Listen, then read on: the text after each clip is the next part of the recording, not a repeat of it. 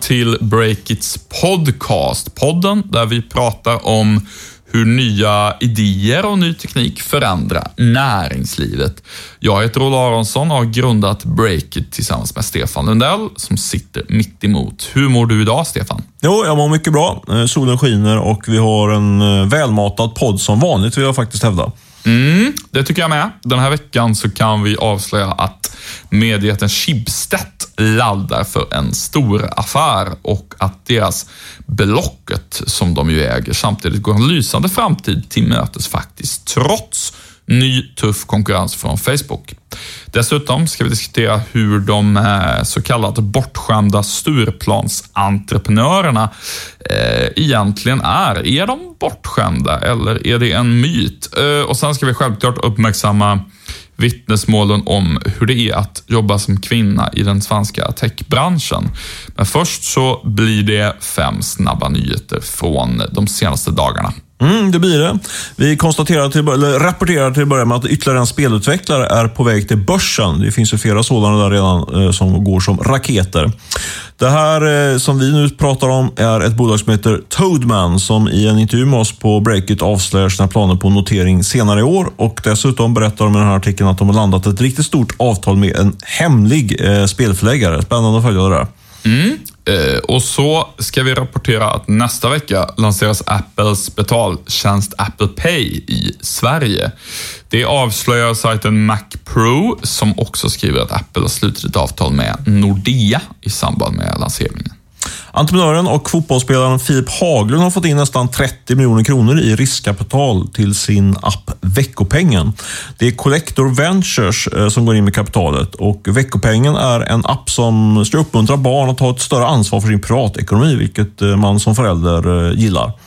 Spotify har i tystet fått tre nya storägare. Det är de svenska pensionsjättarna AMF, Alecta och Folksam som har köpt aktier och eh, skuldbrev i Spotify för tillsammans över en och en halv miljard kronor. Eh, och enligt DE Digital så är det sannolikt riskkapitalbolaget Northzone som har sålt en del av sina aktier.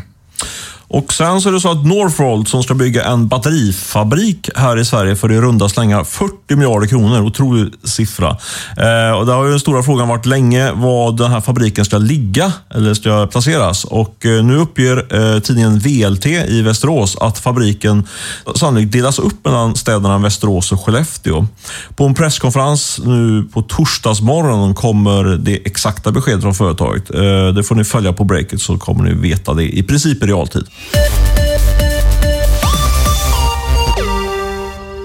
Vår kära huvudsponsor är Rackfish som bland annat erbjuder skräddarsydda hostinglösningar till startups. Ja, som startup är driften verkligen superviktig, men kanske inte alltid prioriterad från början. Eh, Rackfish tar sig tid att lyssna på vad du verkligen behöver. Allt är skalbart. Du kan börja pyttesmått och växa till en global spelare och hela tiden ha kvalitetshosting. Mm, så är det verkligen. Och en ny startup som har blivit kund hos Rackfish är svenska Storage365.se. En marknadsplats för all sorts förvaring från husvagnar till lagerlokaler. Storage365 valde Rackfish för att hålla kostnaderna nere i början, men samtidigt ha möjligheten att växa i den takt som behövs. Mm. Läs mer om vad Rackfish gjorde för Storage 365 på rackfish.com slash blogg eh, om du tycker att det låter spännande och det tror jag att det är. Nu när vi sparkar igång den här podden på allvar så måste vi först berätta om vår stora granskning av hur det är att vara kvinna i den svenska techbranschen. Ja, det är förmodligen den största redaktionella satsningen som vi har gjort eh, i Breakits nu, vad är det, treåriga historia. Eh, och vi gör den satsningen tillsammans med läsarna. Vi har gått ut och, och crowdsourcat eh, berättelser från, eh, från kvinnor i eh, den svenska techbranschen för, för, att höra om deras erfarenheter och upplevelser av hur det är att vara just eh, kvinna i techbranschen. Och vi har då sparkat igång den här granskningen med att presentera de här berättelserna på vår sajt. Men självklart är det ju relevant att lyfta det även i podden. Jag tänkte, Olle, du är ju faktiskt ansvarig utgivare för, för vår sajt Breakit. Var, varför, tycker du, var, varför gör vi den här satsningen? Varför är det viktigt? Um, nej men jag skulle säga att det finns um, flera anledningar. Uh, dels är det en journalistisk anledning och sen är det en mer uh, generellt samhälls och värderingsmässig anledning kan man säga. Om vi börjar med det journalistiska skälet till att vi gör det här, det är att det har ju viskats, ryktats, snackats mycket eh, i den svenska techbranschen i många år om att kvinnor diskrimineras. Men det har varit just på den nivån som jag nyss sa, alltså någonting som det viskas om, eh, men som inte eh, riktigt lyfts upp och diskuteras i stor skala och som kanske liksom inga medier egentligen heller gått till botten med. De flesta av oss som bevakar branschen har väl liksom haft en känsla och en tro om att ja, det, det förekommer säkert att kvinnor diskrimineras och i vissa fall eh, sextrakasseras på jobbet i techbranschen. Men vår uppgift som journalister är liksom inte primärt att tro och gissa och fortsätta vara med i den där viskningsleken, utan det är att ta reda på hur det faktiskt förhåller sig. Det har jag saknat i bevakningen av branschen. Ingen har tidigare försökt gå till botten med hur det verkligen är. Och jag skulle med bestämdhet vilja hävda att det vi gör nu är det första riktiga försöket att göra det.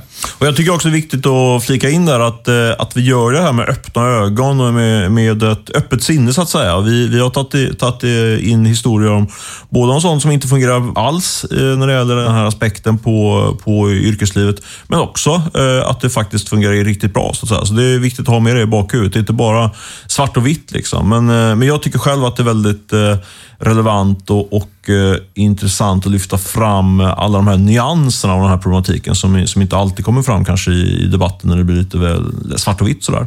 Så är det verkligen. När man börjar titta på det mer konkret, då förstår man att det handlar inte bara om på vissa arbetsplatser fungerar det eh, jätte, jättebra och på andra arbetsplatser så blir man eh, liksom verkligen tagen på brösten i, i, ehm, i ett förråd. Liksom. Utan eh, det finns många saker som är mycket mer subtila än så, men som ändå i praktiken gör att kvinnor på olika sätt inte trivs på arbetsplatser. Alltså, blir raggad på av kollegor som kanske liksom inte sextrakasserar en med. Det kommer fram väldigt mycket av de här gråskalorna som också är jätteviktiga och det tycker jag är mm, mycket förtjänstfullt med den här granskningen. Eh, men utöver då det här journalistiska, att på riktigt ta reda på eh, konkreta exempel och fakta och gå till botten med det. Så finns det också en ehm, mer, vad ska man säga, generellt samhällsförändrande och värderingsdriven anledning till att Breakit gör det här. Det handlar egentligen om att vi vill påverka startup-industrin i en positiv riktning eh, utifrån värderingar som Breakit har som företag. Ehm, och vi, vi tycker ju att det här nya näringslivet, det handlar inte bara om ny teknik och så, utan det ska också handla om nya värderingar till viss del. Eh, och att ehm, vi tror att för 40 år sedan i näringslivet så var det säkert mycket mer okej okay att vara en, en mansgris. Eh, och i vissa sammanhang så accepteras det beteendet fortfarande, vilket leder till att ehm, kvinnor hämmas i sin karriärutveckling och i förlängningen blir det är då ett demokratiskt problem eftersom det leder till att kvinnor faktiskt får mindre inflytande i samhället. Och Det är negativt och där vill vi vara med och driva en förändring till det bättre i de fall då det faktiskt är ett problem. Så att man kan väl säga att vi har både en journalistisk undersökande, ta reda på fakta, ambition och en då med utgångspunkt i de fall där det inte är bra och bör förändras så har vi också en, vad ska man säga, mer samhällsförändrande och eh, generellt värderingsbedriven ambition med, med granskningen.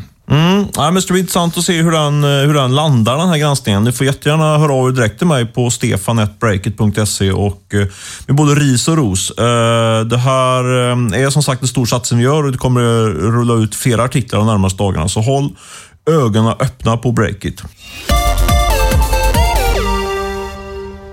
Nu ska vi lägga lite tid i podden på den norska jätten Schibsted som ju bland annat äger Aftonbladet, Svenska Dagbladet, eh, även Omni, eh, men eh, framförallt så äger de ju Blocket och alla Blocket-kloner runt om i världen. Det är ju det som i finansiell mening är viktigast i Schibsted nu för tiden. Eh, och där händer det väldigt intressanta saker just nu i den så kallade gamla radannonsbranschen där Blocket är en del. Mm, jag tycker jag har grottat ner mig i det här den sista, de sista dagarna lite grann. Och det är som du säger, Blocket har ju varit en, eh, en riktig guldklimp för, för Schibsted. Eh, de tjänade ju eh, runt en halv miljard på Blocket förra året, så det är en väldigt viktig del i, i, i Schibsteds verksamhet och indirekt då även för Aftonbladet och Svenska Dagbladet och de andra mediebolagen i, i den koncernen. Men frågan är då hur länge man kan, som, som man snackar om ganska mycket på bland de som följer Schibsted och Blocket, då, hur länge kan man liksom eh, karva hem så här mycket guld varje år. En halv miljard är väldigt mycket pengar på en enskild marknad. Eh, och det där, eh, alltså, eller, redan i veckan aktualiseras då att eh, bilbranschens eget initiativ Wakey gick live. Det, var, det är alltså en konkurrent till, till Blocket där man ska sälja bilar. Eh, och, men framför allt då så är det mycket fokus på på Facebooks eh, nya Blocket-dödare som nu har utnämnts till Marketplace, som nu finns på den svenska marknaden i, i, i högsta grad. Eh, och Där är det ju så att annonserna, till skillnad från på Blocket, de är helt gratis på Facebook Marketplace. Eh, och Det där är någonting som oroar både investerare och de som, eh, som jobbar mer operativt på Blocket. Ja, och du har ju grävt vidare och vad ska man säga, kom, kan komma med lite Eh, Eh, för mig definitivt ny information i den här ständigt pågående debatten. Vi har ju lite grann ett narrativ nu om att oj, oj, oj, nu kommer Facebook, så som det är i många branscher när Facebook och Amazon och så kliver in. Eh, men du har en lite annorlunda twist på det här efter att ha gjort research och pratat med några av de kunnigaste människorna i branschen. Ja, absolut. Jag vet inte om du håller med mig i mina, mina, mina påståenden nu, men, eh, men jag tror faktiskt att det lite paradoxalt kan bli eh, en boost för Blocket att eh, Facebook går in på på den svenska marknaden i, i det här segmentet. Och Jag bygger det på, på eh, två olika saker. egentligen. Dels att man kan titta på hur har det gått på andra marknader. För de gick in väldigt tidigt i Nya Zeeland. Man, ofta, man går ofta in på marknader som ligger lite, lite perifert så att säga, innan, man, innan man går all in brett eh, på de här typen av världsföretag. Eh, men där kan man säga att det finns ett bolag som heter TradeMe som också är noterat och därför har man rätt bra information kring hur det går för dem. Och Där visar sig att de har faktiskt, deras verksamhet har växt efter att Marketplace har kommit in. För det har skapat ett nytt beteende hos, eh, hos användarna som innebär att man helt enkelt lägger ut mer grejer på, på de här plattformarna. Och det gynnar, eh, växer hela marknaden och i förlängningen så ökar det intäkterna för, för TradeMe. Eh, och det är inte alls omöjligt att det är, man, man kan ju tycka att Blocket är så extremt starkt i Sverige, men, eh, men det finns nog en hel del grejer som aldrig kommer ut där på den här marknaden. Eh, men om man då driver det via, om man får ytterligare koll på den här möjligheten via Facebook som hela tiden pumpar i sitt flöde så kan det i förlängningen, tror jag, eh, växa marknaden som helhet. Då. Det finns ju um, ett konstaterande man kan göra och det är att gratis konkurrenter till Blocket har ju funnits i typ fyra år nu mm. utan att de har dödat Blocket. Så om vi, Facebook har ju en massa andra fördelar, att de har så otroligt mycket användare och sådär, men om vi bara pratar om gratis versus betalt, så att säga. Det har funnits ganska länge konkurrenter utan att det har hänt. Så är det och det är väl eh, mitt, andra, mitt andra argumentation för att Blocket faktiskt kan, eh, kan eh, gynnas av det här på sikt, eh, den ökade konkurrensen.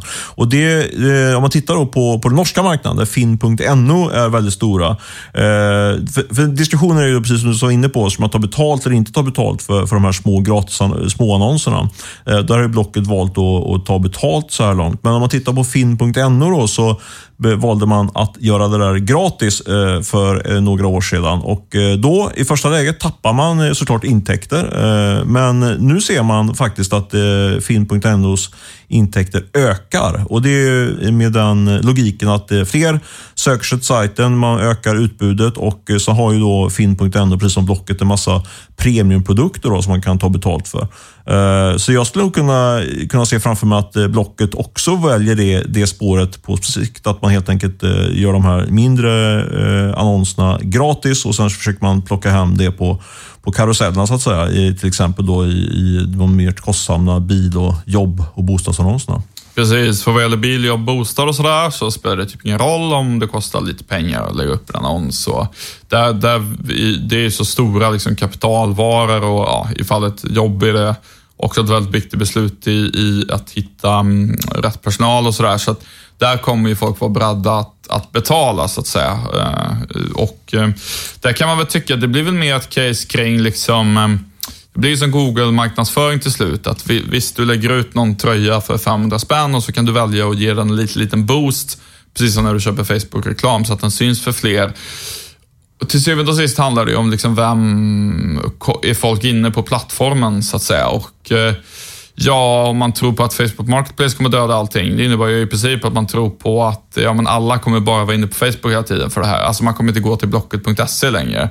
Och där känner jag väl lite grann att um, varför skulle jag inte göra det? Alltså det är någonstans som jag ändå är ute efter att köpa och sälja grejer. Uppsidan för mig med att det är en liten, liten flik på Facebook kontra att gå in i Blockets app. Jag vet inte. Det känns liksom som att så lata kanske inte människor är. Vad, vad, vad tror du? Nej, men jag tror som sagt att Blocket har en, eh, en lysande framtid framför sig faktiskt. Eh, och att den här marknaden, ja, men det är ju en del i de, hela delningsekonomin-trenden. Liksom, så det är ju det är någonting som kommer växa på alla fronter och då, då är ju faktiskt Blocket väldigt eh, bra positionerat. Sen kan man ju säga att plattformen som sådan är ganska ålderdomlig och så. De har ju ett jobb att göra för att göra den mer attraktiv på mobilen och så vidare. Men eh, det har man ju resurser för uppenbarligen, när man, för man pumpar in rätt mycket pengar i, i Schibsted-koncernen. Uh, okay. Okej, okay, så du tror att Facebook Marketplace-lanseringen kommer vara positiv för Blocket. Låter ju trevligt för alla aktieägare i eh, det börsnoterade Schibsted. Um, du, Schibsted köpte också för några år sedan Spock. Vilket uselt varumärke, stavas S-H-P-O-C-K. Helt omöjligt att säga. I varje fall så har de köpt det och det är ju på sätt och vis en, en gratis konkurrent till Blocket Blocket. Eh, jag skrev om det där för något år sedan, sen har jag inte hört något mer än att man ser deras reklam lite överallt. Eh, vad händer med Spock? Har du någon koll på det? Nej, men alltså det är väl en, en liten härlig spin-off för min research kring Blocket. Eh, jag har faktiskt grävt fram lite nyhet kring detta. Det är ganska stor nyhet kan man nog säga. Eh, det, men som svar på din fråga till att börja med, så ja, det går bra. Alltså, de har en väldigt stark tillväxt vad jag förstår i både i, i eh, England och Tyskland som är de stora marknaderna. Men eh, i Sverige vet jag inte exakt hur det går, men eh, av att döma av deras annonsering som är ganska aggressiv så, så borde de väl ha en del tillväxt här också.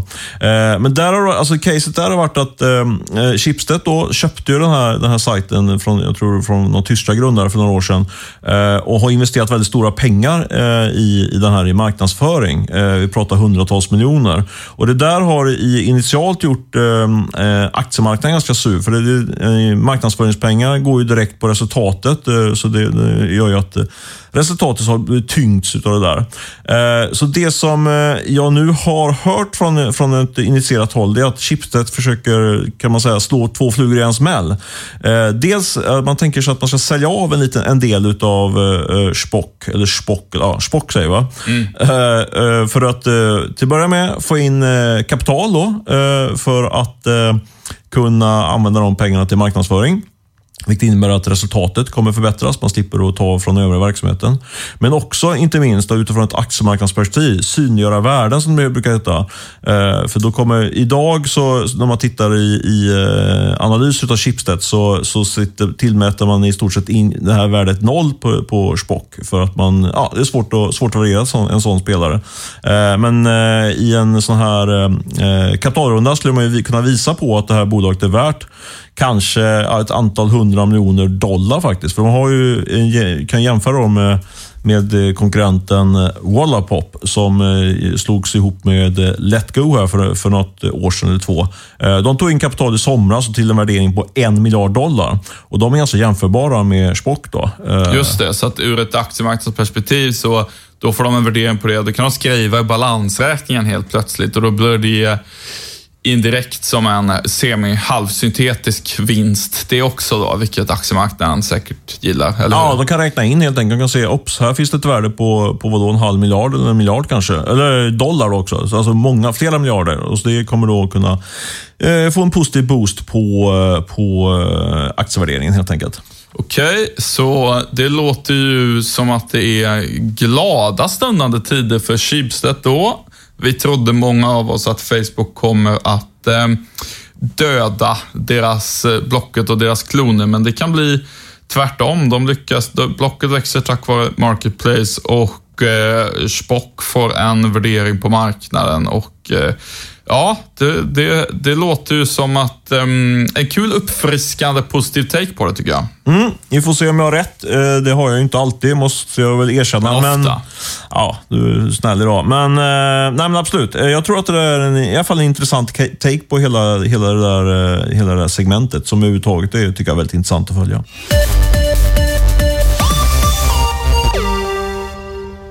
Collector Bank är dubbelt aktuella hos oss på Breakit. Uppstickarbanken sponsrar den här podden och de dyker dessutom upp på Breakits event Retail Tech den 24 oktober på Fotografiska museet i Stockholm av alla härliga ställen man kan vara på.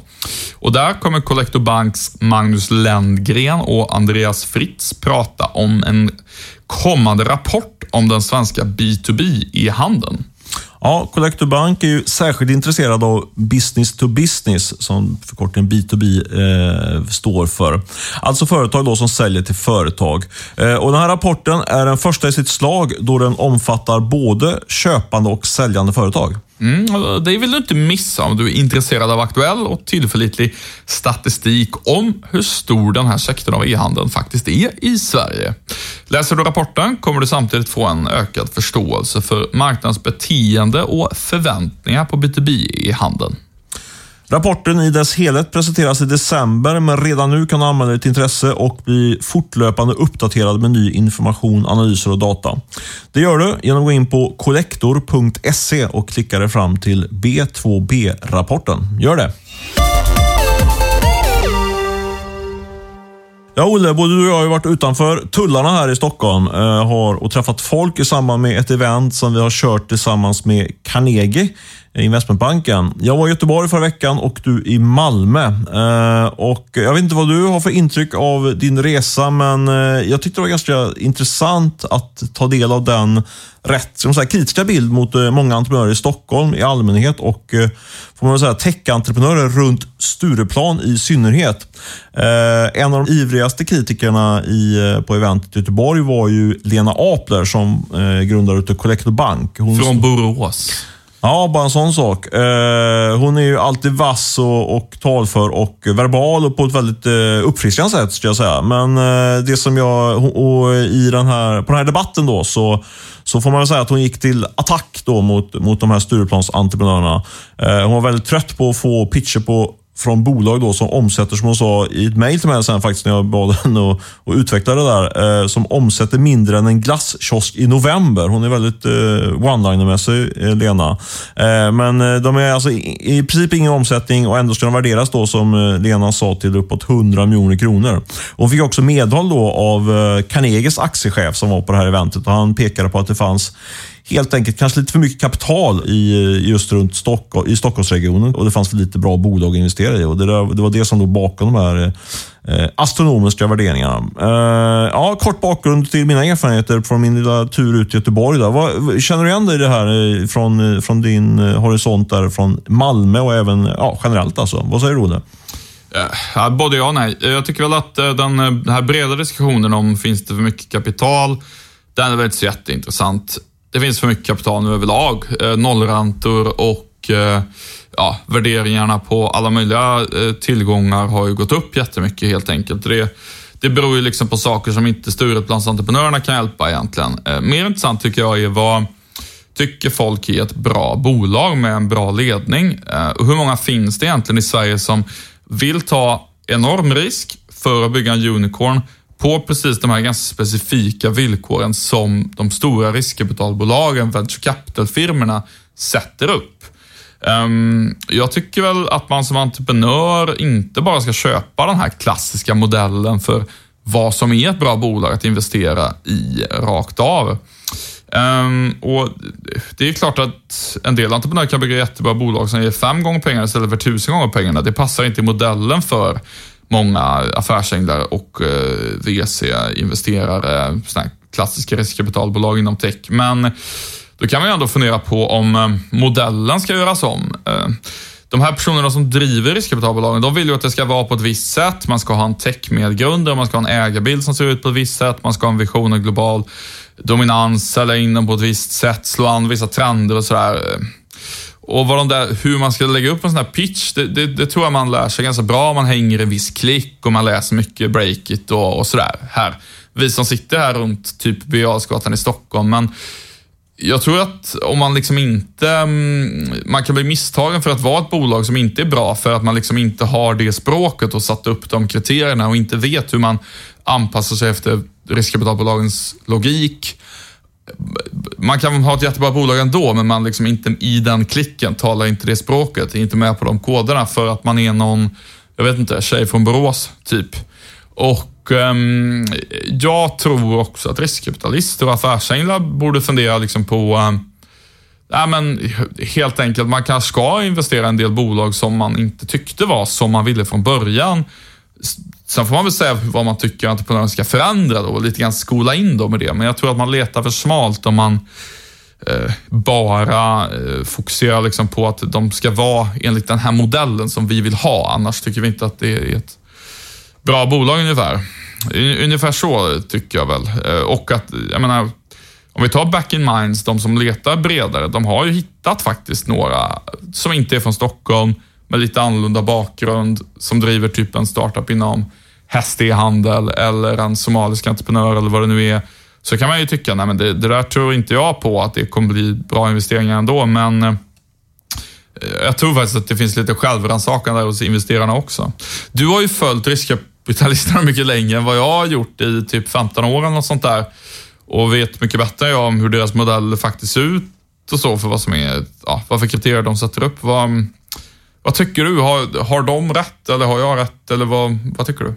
Nej, men ja, de agerar väl hyggligt rationellt utifrån den modellen de har. För de har ju i sin tur sålt in det till sina investerare. Att de ska leverera en avkastning på sådär en 25 procent per år. Någonting. Och då, då kräver jag att man hittar de där, kanske inte 1000x, men 100x i alla fall, eh, istället för 10x.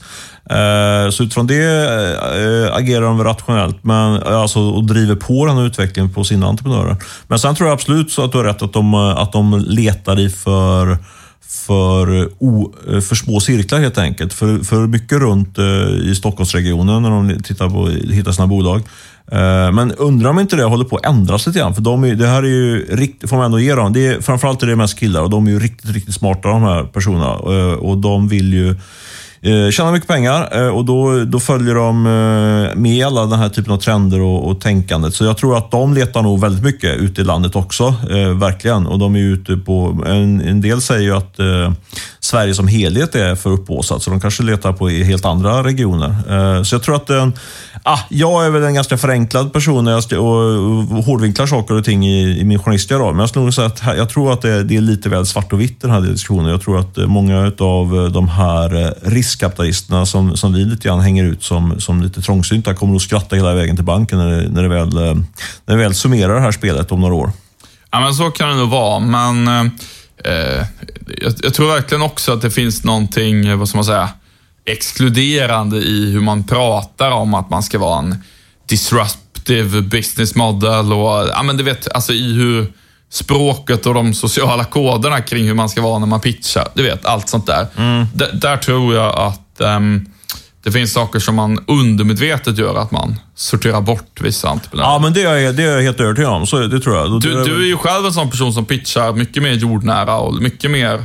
Det är en kombination av startup-entreprenör och mer klassisk... Ja, men du använder själv inte så mycket såna buzzwords till exempel. Nej. Det tycker jag är väldigt bra, men du vet ju själv hur det är när man ser såna pitchar. Det är ju väldigt så det är på ett speciellt sätt, eller hur? Ja, men verkligen. Så det, och det, det där är väl som i samhället i stort, att man, man pratar på, på bönders vis. Liksom. Och I det fallet så kan man, kan man nog ha nytta av att prata som, som killarna gör på Handels. Liksom. Eh, på gott och ont. Mest ont då i det här fallet. Mm. Du, eh, eh, själv tror jag att riskkapitalisternas modell kommer behöva förändras eh, i framtiden på ett eller annat sätt. Eh, precis som resten av finansbranschen där det är avgiftspress och så vidare.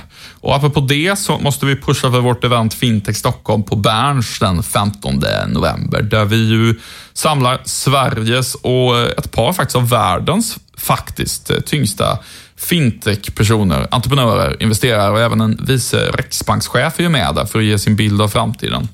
Om du inte har köpt en biljett än så kan du mejla mig på olle.breakit.se så ska jag nog kunna fixa en liten poddlyssnarrabatt till dig. Mm, gör det. Eh, det var ju en rejält, eller bra gensvar när vi kastade ut det här kring vår vår e-handelskonferens Retail Tech som går av stapeln här i nästa vecka på tisdag. Eh, där finns det faktiskt fortfarande möjligheter att och eh, signa upp sig. Jag tror det var en fyra, fem biljetter kvar sådär. Men om ni hör av er till mig direkt på stefanetbreakit.se så kan jag nog faktiskt fixa eh, in er där till ett schysst pris.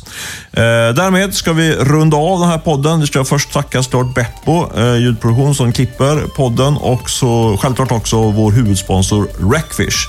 Jag säger tack och adjö om inte du har någonting mer att säga, Olle. Nej, vi tackar för det. Ta hand om er så hörs vi nästa vecka. Hej då!